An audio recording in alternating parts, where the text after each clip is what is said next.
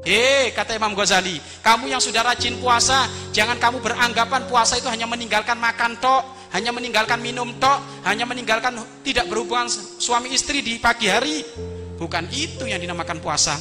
Fakat qala sallallahu alaihi wasallam dan sungguh Nabi Muhammad sallallahu alaihi wasallam telah bersabda, kam min shaimin laisa lahu min siyamihi ilal ju' wal atasu. Alangkah banyaknya orang yang berpuasa hanya puasanya mendapatkan lapar dan dahaga saja, tapi pahalanya enggak ada maka jangan sampai salah kaprah. Yang rajin puasa Senin Kemis jangan kamu anggap puasa itu hanya nahan dari nasi tok nahan dari minum tok nahan dari tidak berhubungan suami istri di siang hari bolong itu bukan itu tok tapi nahan mulut nahan mata nahan telinga nahan anggota tubuh untuk tidak berbuat maksi maksiat. Akan tetapi sempurnanya puasa adalah hendaknya mencegah anggota tubuh dengan keseluruhan.